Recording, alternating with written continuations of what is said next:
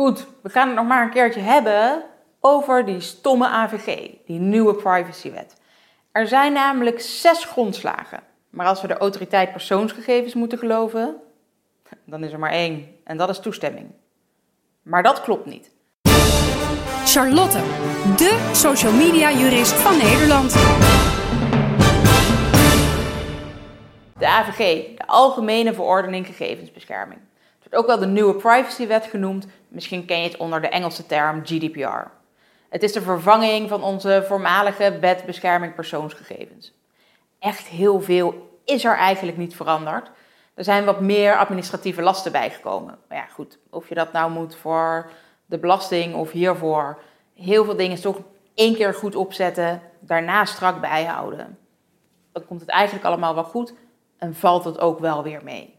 Persoonsgegevens, ik zal wel even linken trouwens naar die video waarin ik meer uitleg over wanneer iets een persoonsgegeven is.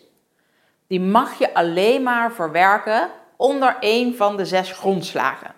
Er staan in de wet zes grondslagen op basis waarvan je persoonsgegevens mag verwerken. Nou, de meest bekende daarvan is toestemming.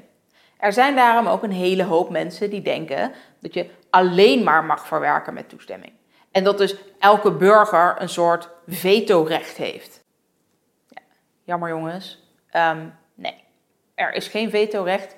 Soms mogen bedrijven en organisaties ook jouw persoonsgegevens verwerken zonder toestemming. De autoriteit persoonsgegevens doet dus net alsof er alleen maar toestemming is. Alleen maar die grondslag bestaat, maar dat is niet waar. Er zijn er zes. Nou, kunnen we ze lang niet alle zes gebruiken.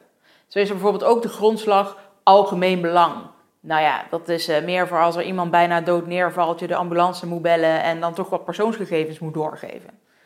Um, daar kan een gemiddeld bedrijf of een gemiddelde organisatie eigenlijk nauwelijks een beroep op doen. Nou, dan hebben we nog de wettelijke verplichting. Denk bijvoorbeeld aan facturen die je moet bewaren, waar heel vaak een contactpersoon op staat. Of allerlei andere wettelijke verplichtingen die je hebt, waardoor toch wel persoonsgegevens bewaard moeten worden. Zoals um, arbeidsovereenkomsten bijvoorbeeld. Dan hebben we ook nog de noodzakelijkheid voor de overeenkomst. Nou, stel dat je een webwinkel hebt, dan moet je spullen kunnen versturen. Daar heb je persoonsgegevens voor nodig. In elk geval een naam en een adres. Als je die gegevens niet hebt en niet zou mogen verwerken, dan kun je die producten helemaal niet versturen. Nou, het is natuurlijk wel vaker zo dat als je nou eenmaal een overeenkomst moet sluiten met iemand, dat je dan toch bepaalde persoonsgegevens nodig hebt en die wel moet verwerken om die overeenkomst uit te kunnen voeren, om een bepaald product of een dienst te kunnen leveren. Eigenlijk een van de leukste grondslagen, in elk geval mijn favoriete grondslag, is die van het gerechtvaardigd belang. Daar kun je namelijk heel erg veel mee, maar het zorgt ook wel weer voor een heel groot grijs gebied. Fijn hè? Gerechtvaardigd belang betekent eigenlijk dat je altijd een belangenafweging moet maken.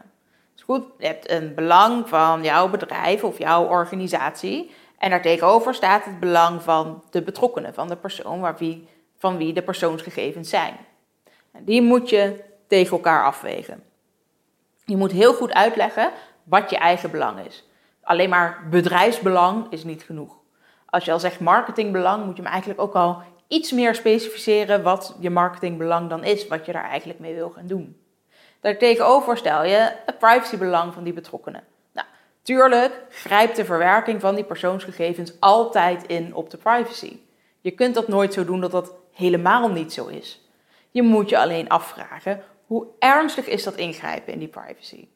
Heeft iemand daar nou echt heel erg veel last van? Of valt dat eigenlijk wel mee?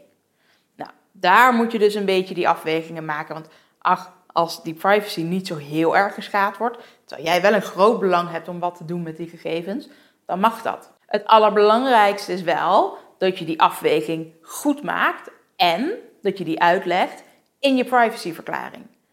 Anders mag je daar niet mee werken. Nou, de allerlaatste mogelijkheid is dan nog de toestemming. Met toestemming mag alles, zeg ik altijd. Alleen toestemming onder de AVG mag ook weer worden ingetrokken. Dat betekent dat je dan in de toekomst niks meer mag doen met die persoonsgegevens. Dat is dus wel jammer. Is misschien niet de beste manier om uh, aan persoonsgegevens te komen en om die persoonsgegevens te verwerken. Bovendien, in sommige situaties werkt toestemming helemaal niet. Bijvoorbeeld uh, bij een werkgever-werknemer-relatie. Ja, dan zit er wat sociale druk achter.